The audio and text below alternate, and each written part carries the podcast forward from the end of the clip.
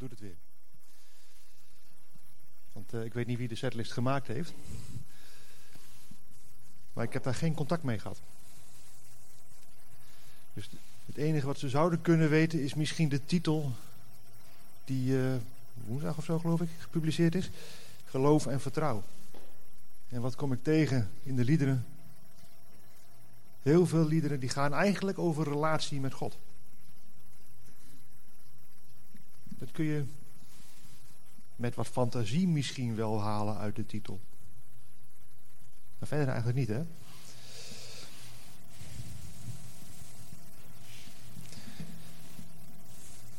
Ik begin met uh, Johannes 2. Op de derde dag was er een bruiloft in Cana in Galilea. Jezus' moeder was op het feest. Ook Jezus en de leerlingen waren uitgenodigd. Toen de wijn op was, zei Jezus' moeder tegen hem: Ze hebben geen wijn. Jezus zei tegen haar: Dat weet ik toch, dat hoeft u mij niet te zeggen.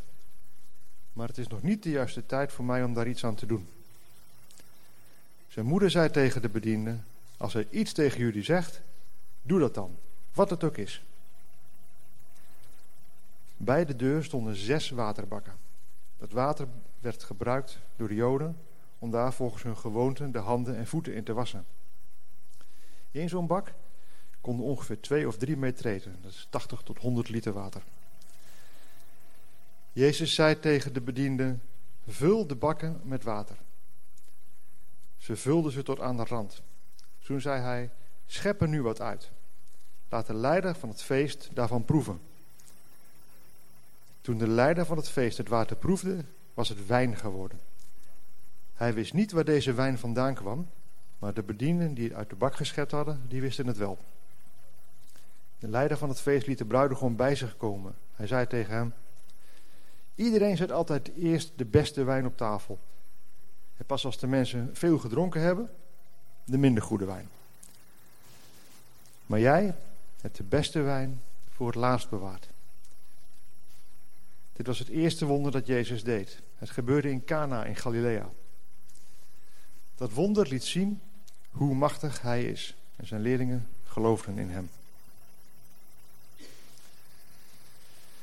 Daar sta je dan.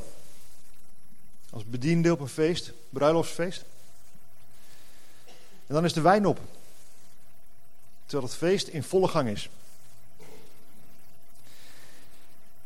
Zo'n feest duurde daar in die tijd normaal misschien wel een week. En de meeste gasten waren dagloners. Dus die kregen hun geld iedere dag na het werk. En nu zijn ze een week vrij.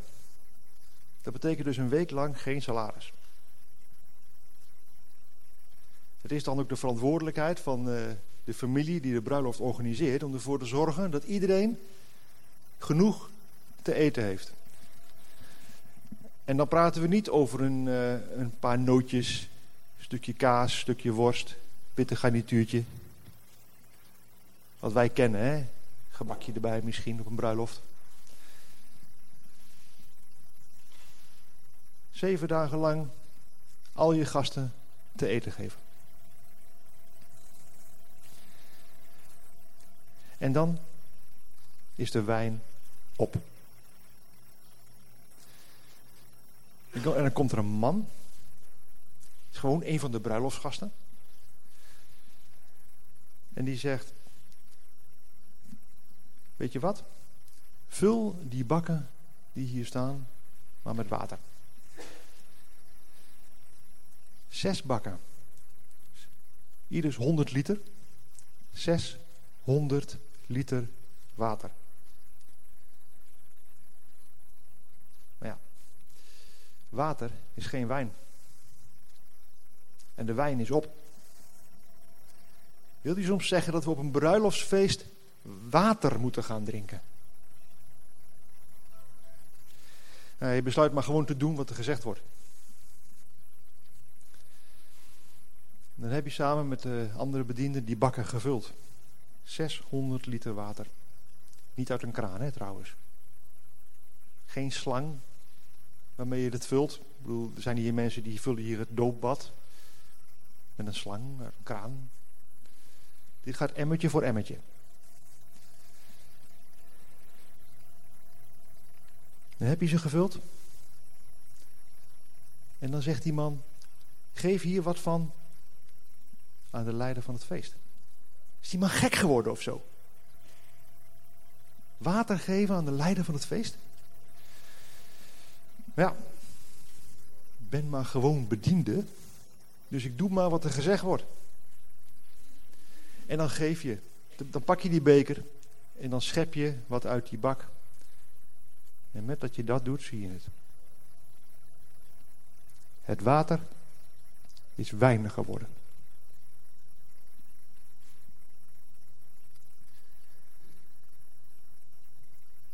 Wie zagen dit wonder? Wie hebben gezien wat Jezus gedaan heeft? Dat waren alleen de bedienden. Niemand anders wist het. Jezus wist het en de bedienden wisten het. Verder wist helemaal niemand waar die wijn vandaan kwam. Stel je voor dat jij dat bent. Dat jij een van die bedienden bent en je hebt dat gezien. Dat de water in wijn is veranderd. Dat vergeet je je leven toch niet? Dan kun je niet doen alsof je geen wonder gezien hebt.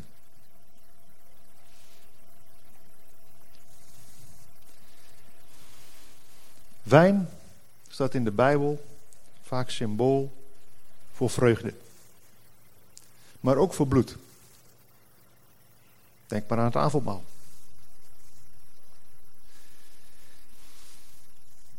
Het staat ook voor vergeving. En in de offerdiensten, en in feite met het offer wat Jezus gebracht heeft, zien we dat ook terug. Hè? Het bloed zorgt voor vergeving. Nou, en als jouw zonden vergeven zijn, dan zorgt dat bij jou voor vreugde. Toch?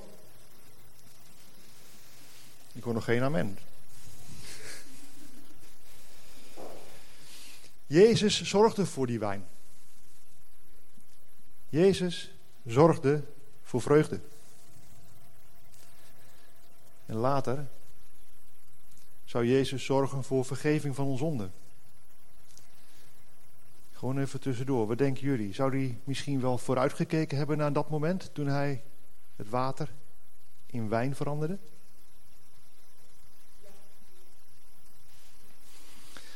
In de Bijbel vind je daar niks over terug, hè? maar omdat Jezus al van tevoren wist wat zijn plan, wat, wat zijn reden van bestaan was, waarom hij op aarde was. Hij wist waar het zou, uh, ik zou bijna zeggen zou eindigen, maar daar eindigde het niet. Hij wist wat er ging komen.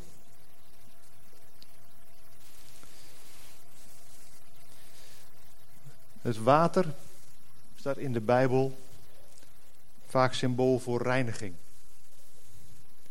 En die bakken, waar ik het over had, die waren ook bedoeld voor reiniging.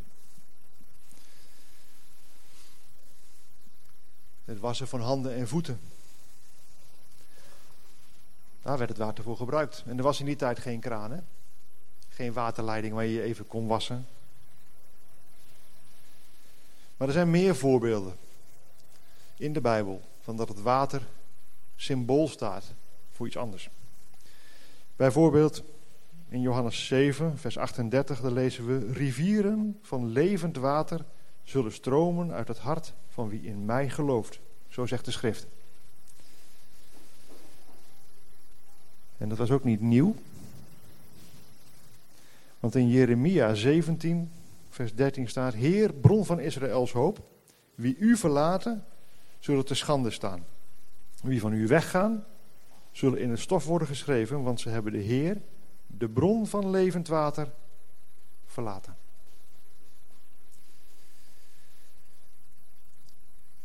Door water te veranderen in wijn, toont Jezus eigenlijk aan dat een intieme relatie met God, de bron van levend water, leidt tot grote vreugde.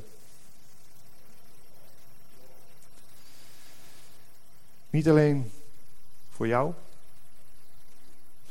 maar ook voor God.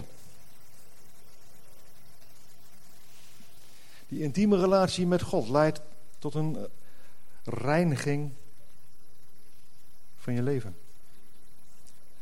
Reiniging van zonde. Maar ook een verandering van je hart.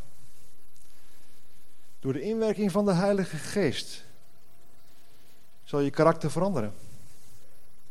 Waar je vroeger verkeerde dingen deed op het gebied van seks, dat je er maar op losleefde, afgoden aanbad, toverij bedreef, vervuld was met haat, met ruzie, met jaloezie, met driftbuien, egoïsme, verdeeldheid, boosheid, misschien wel moord, dronkenschap, wilde feesten en dat soort zaken, ga je nu veranderen.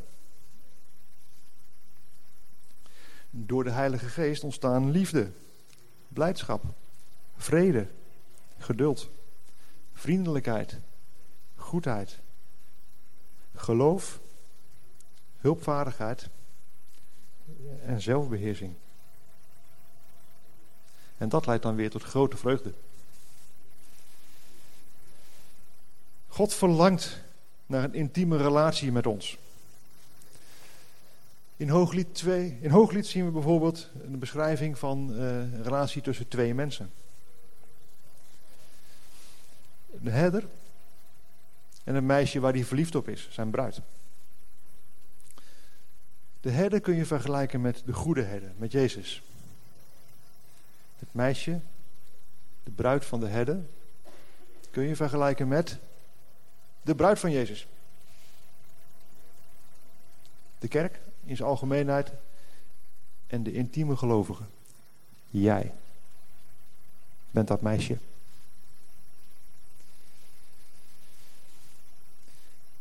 En dan lezen we in Hooglied 2. Duifje van me. Kom uit je rotsspleet. Kom uit je schuilplaats in de rots. Laat me je zien. Laat mij je stem horen. Want jouw stem klinkt mij als muziek in de oren. En je bent zo mooi.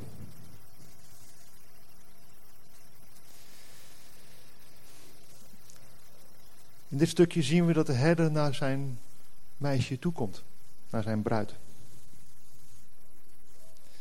Hij probeert haar over te halen om met hem mee te gaan. Waarom? Omdat hij daarvan geniet. Hij zegt eigenlijk, er is niks wat ik liever heb dan tijd met jou doorbrengen. In jouw aanwezigheid zijn.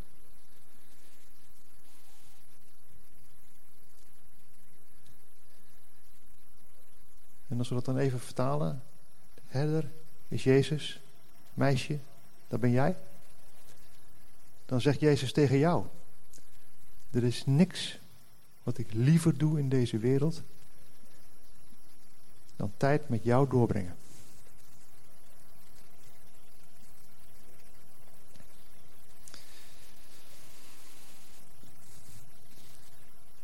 Iedere keer als je in de Bijbel leest, kom je weer dingen tegen over hoe God naar mensen kijkt en hoe God zijn relatie met mensen vergelijkt met een bruiloft. Met het huwelijk. Dat maakt het voor mij extra bijzonder dat het eerste wonder wat Jezus in het openbaar deed, gebeurde op een bruiloft.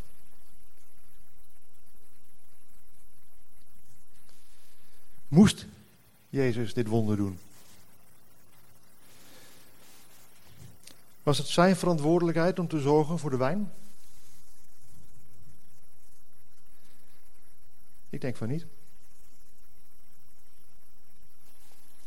In dit feest, wat ik net over gelezen heb, was Jezus niet verantwoordelijk voor de wijn.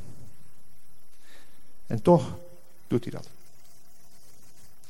Toch zorgt hij ervoor dat de familie van de bruidegom, die het feest moest organiseren, alles moest betalen, niet de schande hoefde te dragen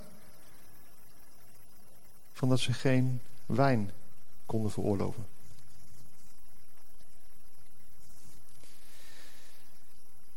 Zo was Jezus ook niet verantwoordelijk voor jou of mijn zonde.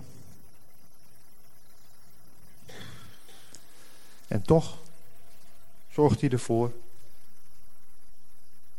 toch heeft hij ervoor gekozen om onze zonde, jouw zonde, mijn zonde, op zich te nemen.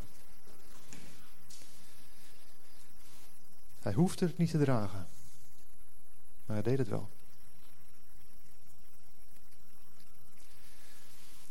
Kijk, Jezus houdt ervan om onder de mensen te zijn en hij wil ze heel graag helpen. Maar in eerste instantie, als je dit verhaal zo leest, dan lijkt het erop, zeker in andere vertalingen, dat hij dat helemaal niet wilde. Hij zegt immers, mijn tijd is nog niet gekomen. We kunnen hieruit in elk geval afleiden dat je Jezus niet onder druk kunt zetten om iets te doen. Nou moet u wel over de brug komen. Nou moet u wel. Helemaal niet. Jezus doet wat hij de Vader ziet doen.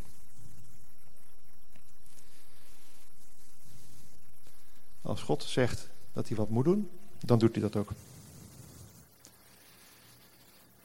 In Johannes 5 staat: Luister goed, ik zeg jullie dat de zoon niets uit zichzelf kan doen. Hij doet alleen wat hij de Vader ziet doen. Alles wat de Vader doet, doet de Zoon ook. Blijkbaar had Jezus nog niet gehoord van de Vader wat hij moest doen. Maar toen hij het wel hoorde, toen hij het wel wist, deed hij het ook meteen.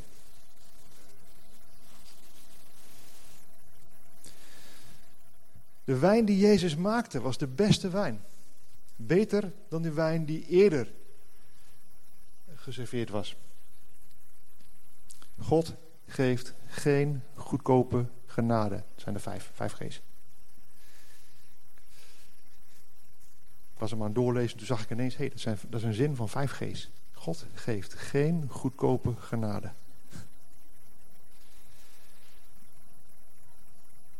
Het is het beste wat je ooit hebt meegemaakt.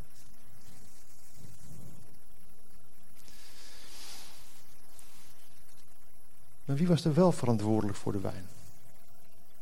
Als Jezus het niet was. Nou, dat was de familie van de bruidegom. Waren zij verantwoordelijk voor de kwaliteit van deze wijn? Nee. Kregen zij de eer voor het uitserveren van de beste wijn? Op het moment dat andere mensen minder goede wijn zouden uitserveren. Want de gasten hadden al veel gedronken, proeven het verschil niet echt meer. Hè? Kregen zij die eer? Ja. Hadden ze dat verdiend? Nee. Ze stonden erbij en ze keken ernaar.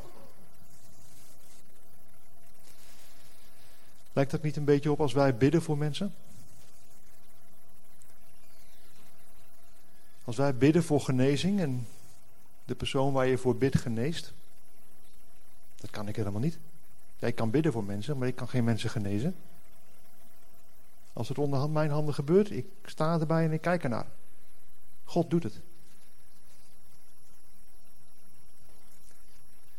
Ik denk dat Willem nu bezig is met de belangrijkste mensen van deze gemeente.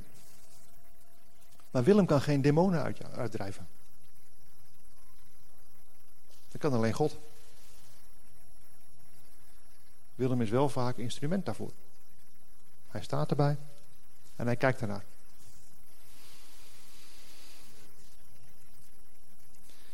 Jezus heeft de bediende van het, uh, van het bruiloftsfeest ingezet om bakken te vullen met water. Als Jezus had gewild, wat denken jullie? Had hij kunnen zeggen, daar is water in deze bakken. En dan waren ze barstens vol met water. Dat op zich zou al een mooi wonder zijn, hè? Als je dan toch bezig bent, zeg dan gewoon gelijk, daar zijn wijn in deze bakken, dan ben je ook klaar. Maar dat deed hij niet. Hij zet zijn bediende in, of nou zijn bediende, de bediende op het feest, zet hij in om die bakken te vullen met water. Het is een hoop werk. Emmetje voor emmetje, 600 liter water in bakken gooien.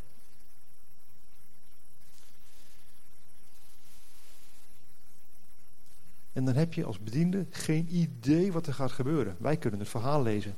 Wij weten hoe het afloopt. Maar dan sta je. Bij de bron. En met je water. Trip, trip, naar die bak toe. Kiep leeg. Dan ga je van zweten. Je hebt geen idee waarom. Waarom je dit moet doen.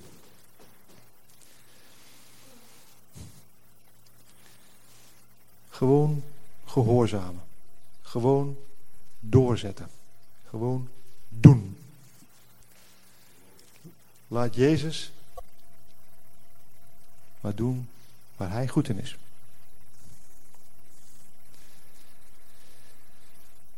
Meestal is het niet helemaal duidelijk wat God gaat doen. Hij zegt misschien dat je ergens naartoe mag gaan. Maar je hebt geen idee waarom of wat God daar van plan is.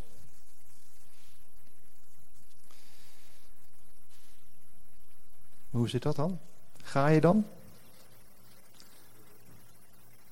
Laat je God zijn deel doen?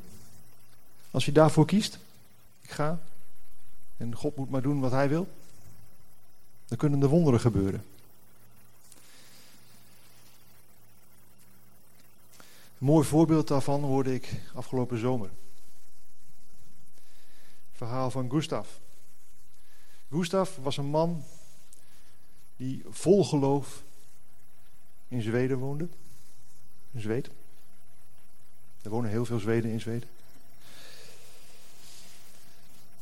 Een man vol geloof. En hij ging ook regelmatig helpen, dienen bij conferenties. En op een gegeven moment was hij weer op zo'n conferentie, maar hij was een beetje down. En uh, hij ging bidden en hij zegt: God, ik weet dat u bestaat. Er is geen twijfel in mijn hart dat u bestaat. Maar ik heb echt even een bemoediging nodig. Dat u mij ziet, dat u bestaat. Weet u wat? Laat u mij een muntje vinden. Een muntje van 10 euro. Dat is, eh, nou, laten we zeggen, een, een dubbeltje in guldentijd of een 10 cent stukje. Maar dan voor de Zweedse kroon. Die muntjes waren toen al tien jaar niet meer in gebruik. Dus als je dan zo'n muntje vindt, is dat wel bijzonder. Een muntje wat al tien jaar niet meer in omloop is, te gaan vinden. En Gustav zegt, God, laat mij zo'n muntje vinden. Die dag vond hij er vier.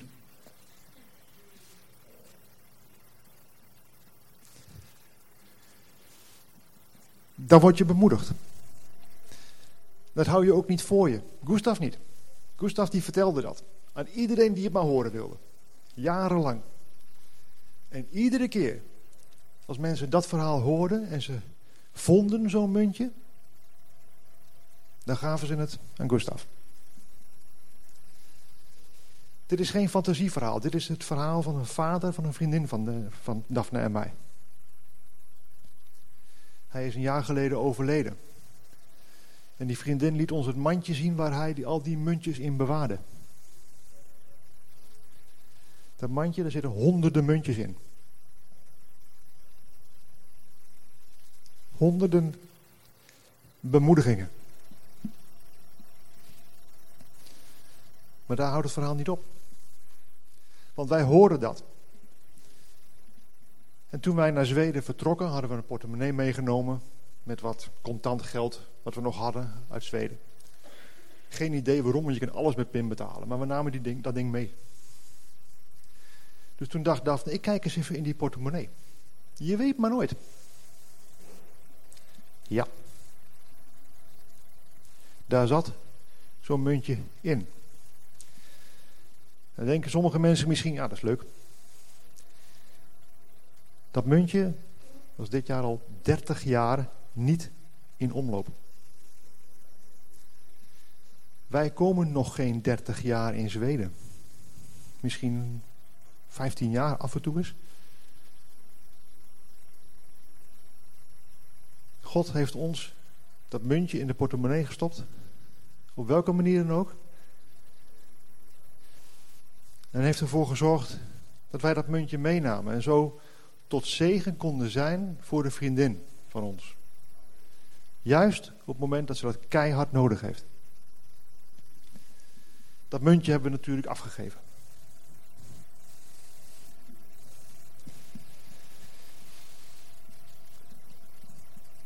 En op die manier kun je met een klein gebaar tot zegen zijn voor die vriendin en in feite voor heel haar familie. Want haar familie kent dat verhaal. Die kennen dat mandje.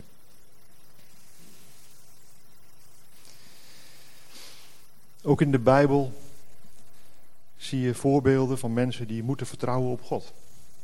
Die niet precies weten wat God van plan is, wat hij gaat doen. Een mooi voorbeeld, een heel bekend voorbeeld natuurlijk, kennen jullie allemaal, is Abraham. En in Genesis 12, daar zien we bijvoorbeeld, toen zei de Heer tegen Abraham, vertrek uit je land, verlaat je familie en het huis van je vader en ga naar het land dat ik je zal wijzen. Ik zal een groot volk van je maken. Ik zal je zegenen en je naam zal overal bekend worden. En je zal tot een zegen zijn. Als mensen jou goed behandelen, zal ik goed voor hen zijn. En als mensen jou slecht behandelen, zal ik slecht voor hen zijn. En door de zegen die op jou is, zullen alle volken van de aarde gezegend worden. Toen vertrok Abraham zoals de Heer het hem gezegd had. Zijn neef Lot ging met hem mee. Abraham was 75 jaar toen hij uit Haran wegging. Abraham had geen idee wat er zou gaan gebeuren. De beloftes die hij krijgt van God zijn niet heel scherp.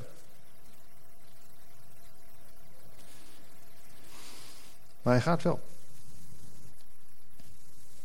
Het is niet heel duidelijk hoe God van plan is die beloftes na te komen. Maar Abraham besluit om te vertrouwen en te gehoorzamen. Heel vaak denken wij dat God hulp nodig heeft om de beloften die hij aan ons gedaan heeft waar te maken. Dat zien we ook bij Abraham.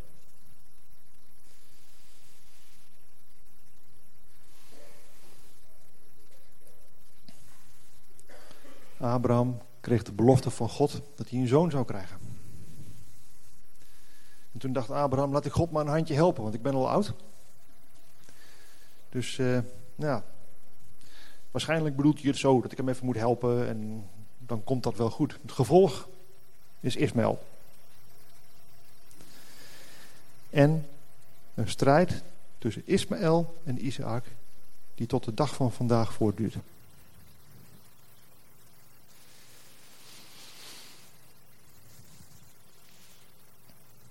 Maar Abraham had niet afgedaan voor God. Abraham krijgt de kans om opnieuw te laten zien dat hij vertrouwt op God. Op een keer wilde God Abrahams vertrouwen in hem testen. Hij zei tegen hem, Abraham. En Abraham zei, ja heer. God zei, Isaac is je enige zoon. Je houdt heel veel van hem. Ga nu met hem naar het gebied Moria en offer hem daar aan mij op een van de bergen. Het moet een brandoffer worden. Ik zal je later zeggen op welke berg. Abraham stond s morgens vroeg op, zadelde zijn ezel en ging met twee knechten en zijn zoon Isaac op weg. Ook nam hij hout mee voor het brandoffer. Zo ging hij op weg naar de plaats die God had genoemd. Toen zei Abraham tegen zijn knechten: Jullie hoeven Jullie blijven hier met de ezel. De jongen en ik gaan daarheen. Als we klaar zijn met aanbidden, komen we weer bij jullie terug. Abraham legde het hout voor het brandoffer op Isaaks schouders. Ook nam hij vuur en een mes mee. Zo gingen ze samen verder. Toen zei Isaac tegen zijn vader Abraham: Vader? Ja, mijn zoon. Hier zijn het vuur en het hout. Maar waar is het lam voor het offer? Abraham antwoordde: God zal zelf zorgen voor een lam voor het offer, mijn zoon. Zo gingen ze samen verder. Wie kent dit verhaal niet? En hoe het verder gaat? Ik zie geen handen. Dan sla ik een stukje over, dan ga ik verder met Hebreeën 11. Doordat Abraham God geloofde, heeft, heeft hij gehoorzaam zijn zoon Isaac op het altaar gelegd om hem te offeren. God wilde hem zo de proef stellen, want hij had Abraham beloofd dat Isaac het begin van een grote familie zou zijn. En toch durfde Abraham gehoorzaam zijn enige zoon te offeren. Hij had bedacht dat God Isaac zelfs weer levend zou kunnen maken. Zo heeft hij hem ook als het ware uit de dood teruggekregen. De gehoorzaamheid van Abraham werd beloond. Dat zien we hier wel. Abraham wist, ik moet gewoon doen wat God van mij vraagt. En God doet de rest. God doet zijn deel wel. Hoe zit dat bij jou? Doe jij wat God van je vraagt, terwijl je erop vertrouwt dat God zijn deel doet? Als we op God vertrouwen, zal Hij ons nooit teleurstellen. Want God heeft zijn liefde in ons hart uitgestort door ons zijn Heilige Geest te geven. Ik heb hem al eens vaker gebruikt in een andere preek. Het is niet onze taak om 5000 mensen te voeden. Wat wij moeten doen, is onze broodjes en visjes aan hem geven.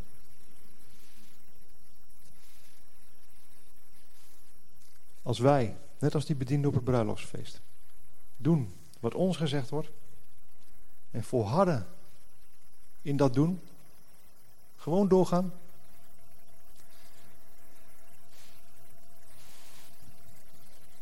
dan laten we God doen wat Hij beloofd heeft. Geloof en vertrouwen. Ons hulp is in de naam des Heren die de hemel en de aarde gemaakt heeft, die trouw blijft tot in eeuwigheid en nooit laat varen wat zijn hand begon. Amen.